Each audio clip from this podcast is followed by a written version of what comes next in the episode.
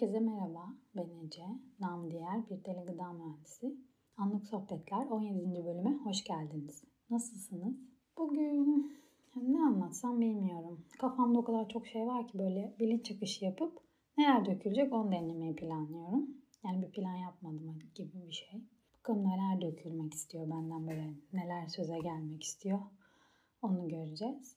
Genel olarak zor günlerden geçiyoruz. Dünya olarak, ülke olarak, hani kişisel kendi gündemlerimiz olarak. Cumhuriyetimizin 100. yılını coşkuyla kutlamak için bireysel olarak elimizden geleni yaptık. Bunu gördüm. Sonra gece saat 10'u geçerken bu kadar eğlendiler, mutlu oldular. Az gölge düşüreyim diye düşündüler herhalde. Hadi çocuklar iyisiniz yarın okullar tatildendi. Çalışan analar babalar düşünülmedi. Bilhassa bu hikayede genel olarak analar yandığı için zaten onlar hiç düşünülmediği için öyle ortaya atıverdiler müjdeli haberi. Sanki hani 100. yıl kutlamaları aylardır belli değildi. Değildi galiba. Yapmayacaklarına inanmışlardı belki de. Hatıra parasını bile bir gün önce öyle son dakika basmadılar mı? Plansız programsız unutturuz biz bunu edasıyla. Heveslerimizi söndürmeye çalıştılar. Ama ne oldu? Herkes dilinde parla hilal ve yıldızım diye marşlarla dolanıyor. Benim hala içimden yükseliyor yani. Buradan Normanlere teşekkürlerimi iletmek isterim. Kendisini bugüne kadar hiç dinlemediğim için de kendime teessüf edeyim. Şaka şaka. Yani rap şarkı pek sevmem o da ilgimi çekmiyormuş haliyle ama gerçekten bu marş için çok teşekkür ediyorum. Hani sürekli böyle söylediğim duygularımı coşturan bir marş oldu dinlediğimden beri. Ya zaten neredeyse herkes de duydum gibi bir şey etrafımda. Herkesin diline dolanmış. E nedense bir marş yarışı var gibi. Herkes bir sürü marş çıkardı. Ama bence Norman'daki böyle halka en gerçek inen bu oldu. Benim etrafımda gözlemlediğim kadarıyla. Instagram'da falan da en çok paylaşılan bu oldu. Tarkan bile kendi marşı olmasına rağmen bu Normanlerin marşını paylaştı. Yani bilmiyorum belki bu bir kabul ediştir. Hepsi kıymetli bu arada. Hepsinin yaptığı marşlar. Yani susmayıp 100. yıl için çaba gösteren tüm sanatçılarımıza buradan teşekkür ediyorum. Ama hala Cumhuriyet'in önemini anlamayanlar var. Hala bu Cumhuriyet'in kıymetini bilmeyenler var. Oturdukları koltuklara Cumhuriyet sayesinde oturduklarının farkında olmayanlar var. Ya en çok da bunun kıymetini bilmeyen kadınlara kızıyorum. Ya sahip olduğun haklara atam sayesinde Avrupa'daki kadınlardan bile önce sahip olmuşsun. Bunu elinden almaya çalışanlarla bir oluyorsun. Burada bir şeyler demek istiyorum hakarete girer diye demek istemiyorum istiyorum ama böyle. Yani böyle omuzlarımdan sarsıp tutup böyle sarsıp onları şey demek istiyorum böyle kendine gel kendine dön de bir bak haline kıl oluyorum size abi demek istiyorum. Yani böyle başka şeyler de demek istiyorum çok şey demek istiyorum. Siz beni anlıyorsunuz. Ama yolu bu değil. Ya çünkü hani bunları desek bir şey değişmeyecek. Bunun yerine eğitim sistemini başa döndürmemiz gerekiyor. Hani bu köy enstitülerinin olduğu zamana, herkesin eğitildiği, herkesin öğrendiği zamana. Kalkınma böyle başlıyor, idrak böyle artıyor. Ya Atam bunu öngörmüş ve buna göre şahane bir sistem kurmuş.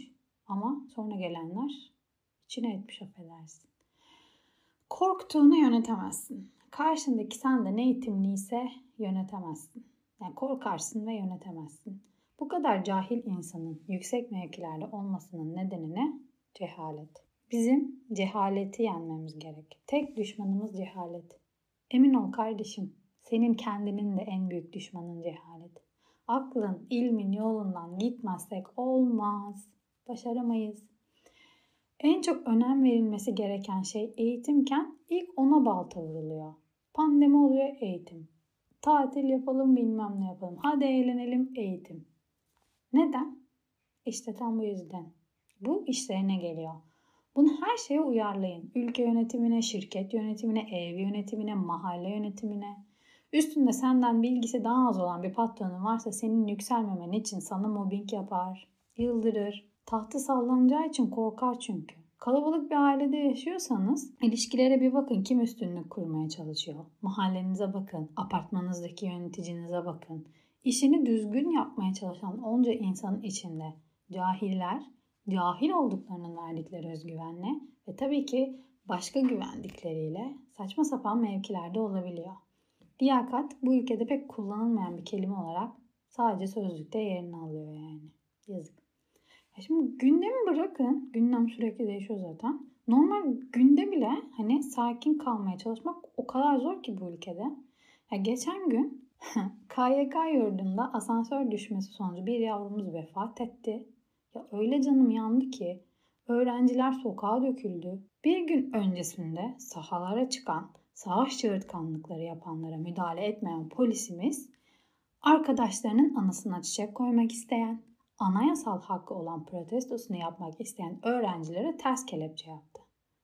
Ya biraz düşünelim. Bunun normal olmadığını görürüz. Bu yüzden herkesi, istisnasız herkesi düşünmeye, sağduyuya davet ediyorum. Düzlüğe çıkmak istiyorsak bunun yolu bu. Aklın yolu, bilmin yolu, ilmin yolu. Başkası değil. Geçen gün yani denk geldi tam da Alfa kitabın Hayır serisi var. Duymuşsunuzdur belki. Cehaleti Hayır kitabını okuyordum. Yani tam da bugünlerin üstüne denk geldi. Oradan not aldığım bir yeri okumak istiyorum size. Ay kimin için parlıyor? Cevap kolay görünüyordu. Tabii ki herkes için. Ama yanlıştı. Işık onu görecek gözlere sahip olanları aydınlatır sadece. Körleri değil. Onlar bunun ne olduğunu bilmezler. Işık kör bir kimseye nasıl betimlenir ki? Hadi bunu bir düşünelim. Doğuştan kör birine nasıl anlatırsın ışığı? Renkleri, hiç bilmeyen birine nasıl anlatırsın? Ezberletilmiş çaresizlikle değil. Doğruya ulaşmaları için gereken yolu göstererek. Ben üniversitedeyken bir profumuz vardı adını anmak istemiyorum. Sınav sorularında sadece kitapta yazdığı gibi cevap yazarsan not verirdi. Birebir ezber isterdi. Aynı anlama gelen başka bir kelime yaz. Hani böyle silerdi cümleni. böyle saçma sapan bir ego sahibi, mühendis yetiştiren bir bölümde asla olmaması gereken bir karakter. Mühendis ezber yapmaz arkadaşlar. O ağzımın yüzünden çoğu kişinin ben dahil okulu uzadı. Ne uğruna? Ezberci mühendis yetiştirmek uğruna. Ya hala daha vardır bu kafada proflar, doçlar falan eminim. Birçok insan bunlar yüzünden akademisyen de olmuyor. Halbuki bilime ilime katkı sağlayacak gerçek kişiler bu kişilerken bu kafadaki proflar, doçlar onları bıraktıkları için akademik başarıları düşüyor ve hani başvurmuyorlar ya da bırakıyorlar, kaçıyorlar, gidiyorlar. Ya gerçekten sinirlenmemek elde değil. Dur yere yine sinirlendirdim kendimi. böyle bilinç akışı gitmek de pek iyi değilmiş ya benim için şu dönemde. Buradan birazdan ortaokuldaki fen öğretmenime sallayıp böyle oh, rahatlayacağım yani konu oraya kadar gidecek. O da böyle hep aynı öğrencilere deney yaptırırdı. 2-3 kişi notu yüksek olan vardı böyle fen dersinde. Hep onlar yapardı deneyleri. Sinir olurdum. Veli toplantısında babama dedim ki ya söyle hep aynı kişilere deney yaptırıyormuşsunuz de diye dedim babama. O da işte babam da söylemiş. Sonra sınıfa geldi bu toplantıdan sonra. İşte bazı arkadaşlarının velisi böyle böyle dedi adını vermeyeceğim ama ben işte öyle yapmıyorum da hepinize bilmem ne de bık bık da falan. Ben kalktım ayağa dedim. Benim babam söyledi. Yani bu gizli bir bilgi değil, yalan bir bilgi de değil. Sonra ne oldu? Her hafta başkası yapıyor oldu. Yani olması gereken. Ya sen eğitmen olmuşsun. Adil olamamışsın ama. Ne yapayım ben senin öğrettiğin feni? Ya benim böyle çok çıkışlarım vardı ortaokulda ya. İsyankardım resmen. Sonra bir de lisedeki İngilizce öğretmeni de böyle kafada biriydi. Saçma sapan şeylere takılırdı. Benim de o hani basic what is this, this is a pencil, my name is Ece falan İngilizcem iyiydi yani lisedeyken. Kötü not da veremezdi. Sözlüden kırmak için tahtaya kaldırıp böyle kitabın zor sorularından sormaya kalkmıştı. Yine bilmiştim verememiştim. O, o günü hatırlıyorum ya yazık. ya böyle insanlar atanıyor Gerçekten eğitim sevdalıları başka başka işlerde heba oluyorlar atanamadıkları için. Yani liyakat her yerde lazım bize gördüğünüz gibi. Ama her yerde. Ya evde, okulda, işte, sokakta, çarşıda, pazarda, tarlada aklınıza gelebilecek her yerde. Ya düşünün. Bir düşünün. Şu hayatta en haz etmediğim şey hak yenmesi. Kimsenin hakkını yememek için uğraşırım. Kendi hakkımla yenmesin diye uğraşırım. Başkalarının savaşmadığını görürsem hakkı için onun adına da savaşırım. Hak yenmesen nefret ederim. Yemeyin kimsenin hakkını ya. Ve yenmesine de göz yummayın. Ya sokakta sıraya araya böyle kaynak yapan insanlara engel olun. Bu da hak yemektir. Ya bu engel olmak da bir başlangıçtır. Göz yummayın. Ya bana dokunmuyor demeyin. Dokunur çünkü. Yeri geldiğinde öyle bir dokunur ki şaşar kalırsın. Evet, bilinçaltımız, bilinç akışımız böyle isyankar bir şekilde akarken yani böyle bir gün geçiriyorum aslında. Aslında şey her sabah ve akşamları ben böyle günlük yazıyorum. Bilinç akışımı aslında yazarak böyle atmaya çalışıyorum. Bunu daha önce de anlatmışımdır belki. Sabahları böyle en az 3-4 sayfa yazıp gün öyle başlıyorum beynimi boşaltıp. Şimdi akşamları da ekledim. Başka bir defteri de hani akşam günlükleri gibi yapıyorum. Akşam yatmadan önce de günün birikmişlerini hani atayım da rahat rahat uyuyayım stresimi dökeyim şeklinde e, iyi geliyor gibi. Çünkü hani ben çok fazla konuşmayı, anlatmayı, içimi dökmeyi sevdiğim için yazmak zaten yazmayı çok seviyordum. Yazmak da böyle yazmak da iyi geldi. Bir de bu podcastler işte blog yazıları da yazıyorum. İçimi dökmeme yardımcı oluyor. Delirmeden tamamlarız herhalde bu şekilde bu hayatı. Ya bu arada bu yazmayı tavsiye ediyorum hepinize. Gerçekten insanı müthiş rahatlatıyor. Ya şey yapın, aksın bilinciniz, bırakın. Baktınız çok acayip şeyler çıktı ortalığa ve kimsenin okumasını istemiyorsunuz. Yırtın, yakın, yok edin. Ama hani o sizden gerçekten çıksın. Hani düşünerek, evet düşünerek de şey yapıyorsun ama hani yazmak ayrı. Ben mesela kafamda bir ton şey düşünüyorum. Yazmaya başladığımda öyle bambaşka bir yere gidiyor ki konu. Ha diyorum buraya nereden geldiğim, nereden çıktı bu? Yani bence Zaten şey bununla ilgili toparlayamadım. ben böyle de yazarlıkla ilgili şeyleri de merak edip dinliyorum. Hani böyle yazarların çalışma stillerini ne yaparak şey yapıyorlar falan. Genellikle çok kitap okuduklarından ve sürekli disiplinli bir şekilde yazdıklarından bahsediyorlar. Özellikle büyük yazarlar, bilindik yazarlar. Ve hani bir tane şeyde hatırlıyorum. Bir podcast'te mi dinlemiştim? Kim olduğunu da şu an not almadığım için hatırlamıyorum. Yani önümde bir notlarım açık olmadığı için. Şey demişti yani hikayenin nasıl olacağına dair kafamda bir fikir var ama o yazarken öyle şeyler meydana çıkıyor ki onlardan benim bile haberim yok diyordu. Hakikaten bende öyle oluyor. Yani bir şey yazmaya, yani şununla ilgili bir yazı yazayım diyorum. Mesela dün 30 Ekim İzmir'deki 2020'deki depremin yıl dönümüydü. Hani onunla ilgili bir yazı yazayım dedim. Bir anda öyle yerler, öyle şeyler çıktı ki içimden. Ya da ondan önce 29 Ekim için bir yazı yazayım dedim. Bambaşka şeylere gittim falan. Hani böyle kafamdaki yazma, hayalini kurduğum yazma istediğim şeyle ortaya çıkan şey aynı konsepti ama o kadar farklı bir yerden çıkıyor ki yani bence düşünmekle olmuyor tavsiye ederim. İçinizi rahatlatmak ya da beyninizi boşaltmak istiyorsanız bol bol yazın. Kendinize yarım saat ayırın ya gerçekten. Çok büyük bir zaman dilimi değil yarım saat. Sabah kalkınca veya yatmadan önce bir yarım saat ayırın faydasını göreceğinize inanıyorum. Yani ben de böyle yapıyorum bu ara ve bana gerçekten iyi geliyor.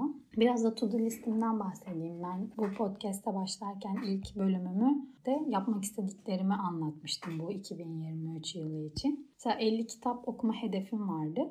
42. kitabımı dün bitirdim. Yıl bitene kadar 8 kitabım kaldı. Mutluyum açıkçası. Ya zaman zaman böyle 70-80 sayfalık kitaplara sığındım hızlanmak için. Yani sırf adet sayısı artsın diye yalan yok. Ama sonuçta o kitapları da okuyacağım. E kendime bir motivasyon e, sağlıyorum böyle. Çünkü bu sene yani böyle çok fazla hikaye, roman tarzı ağır kitaplar okumadım. Genelde kişisel gelişim veya işte biyografi tarzında okudum. Seneye bu işi böyle seri olarak hikayelere bırakmayı düşünüyorum. Hani böyle işte daha çok ben fantastik kitaplar okumayı çok severim. Fantastik seriler var elimde okumadığım. O tarz serilere odaklanıp hani o yüzden belki seneye 50 kitap hedef koymayacağım. Bir bakacağım elimdeki serilere. Hangi seriyi bitirmek istiyorsam onu hedefleyeceğim gibi. 50 kitap olamaz. Çünkü hani dediğim gibi 70-80 sayfalık kitaplar değil bunlar. Bin küsür sayfalık seriler var. Bir kitabı böyle kafam kadar kalın.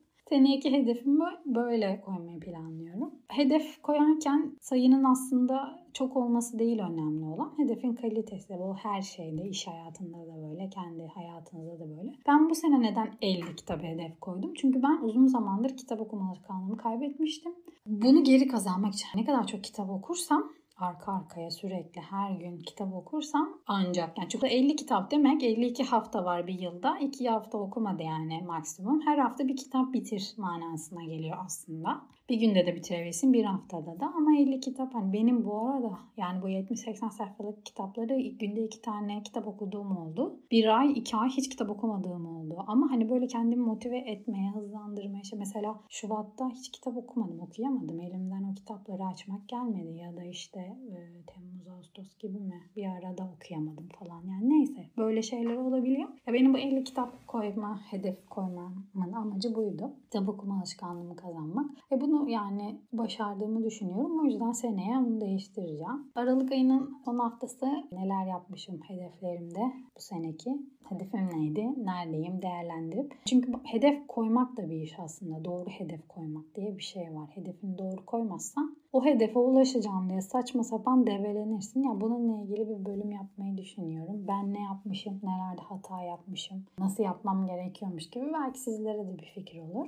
Bir de daha önce bahsetmiştim bunu. Blogda mı bahsettim, podcast'te mi bahsettim hatırlamıyorum. Ben planlamayla, planlamamla ilgili çalışıyorum son zamanlarda. Yani nasıl bir planlama yapmalı, bu planlamaya nasıl uymalı, planlamalardan şaşarsam geriye nasıl dönerim falan. Bunu iki aydır deniyorum farklı farklı yöntemlerle bir düzene doğru gidiyor gibiyim. Hani kendi çalışma tarzımı, beni nelerin motive ettiğini çözmeye başladım. Planlama yapma konusunda da uzmanlaşmaya çalışıyorum. Yani kendime planlama yapma konusunda tabii ki. Sene sonunda bundan da bahsedebilirim. Tutabilirsem planlamalarımı. Son bölümü, bu yılın son bölümü böyle bir genel yılı toparlama, önümüzdeki yıla bakma şeklinde yapacağım. Herkesin bir kendince bir yoğurt yiyişi var. Ben de farklı farklı insanların böyle yoğurt yiyişlerini dinleyip okuyup kendime uygun olanı belirlemek adına bir fikir alıyorum. Belki hani benim yaptıklarımda size bir fikir verir.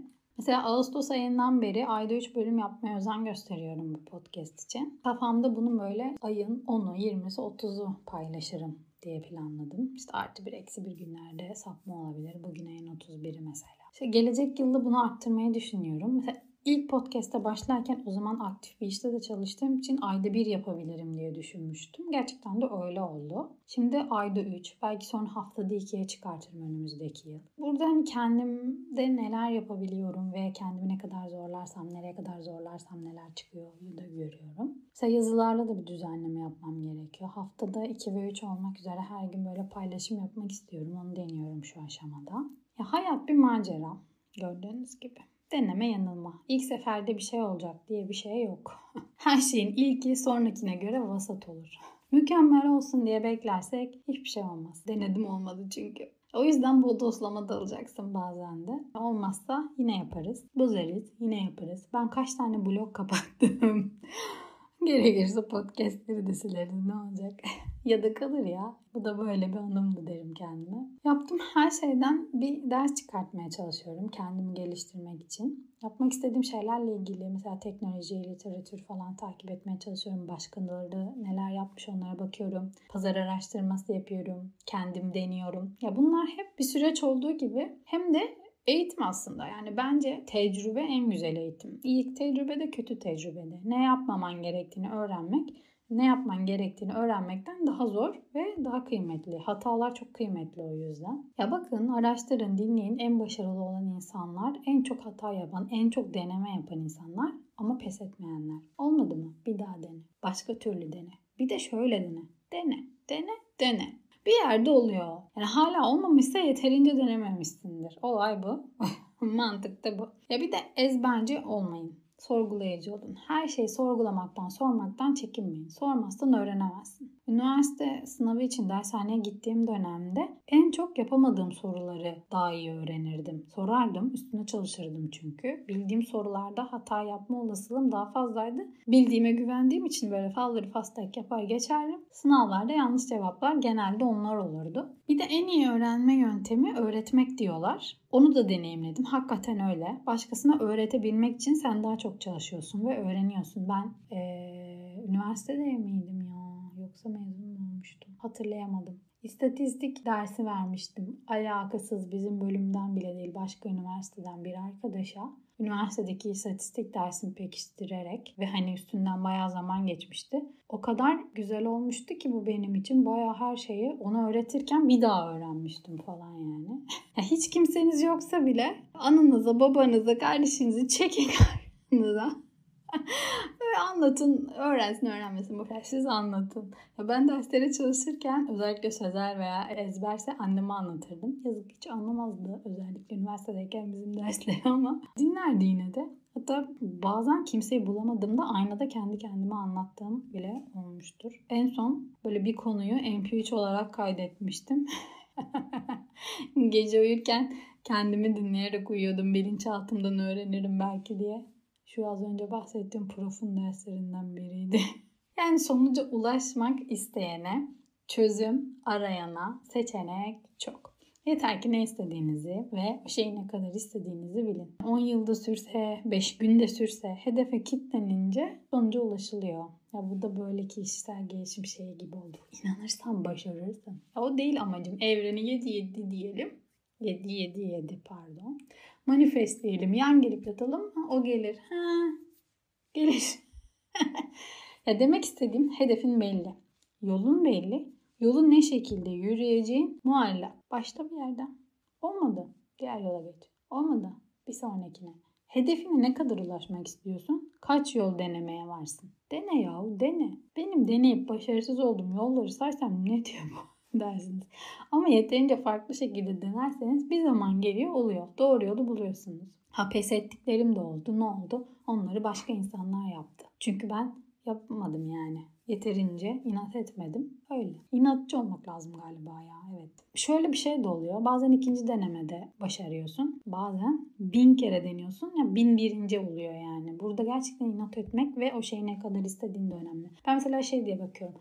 Onun peşinden o kadar koşmadım. Belki de o kadar istemiyordum. Çünkü istediğim şeyin peşinden ölümüne koşuyorum neredeyse yani. Haldır şaldır, yaldır kaldır hoppala diye. Ay evet bir deli gıda mühendisi kişisel gelişiyor seansımızın sonuna geldik. Çıkışlar soldan. Sol iyidir.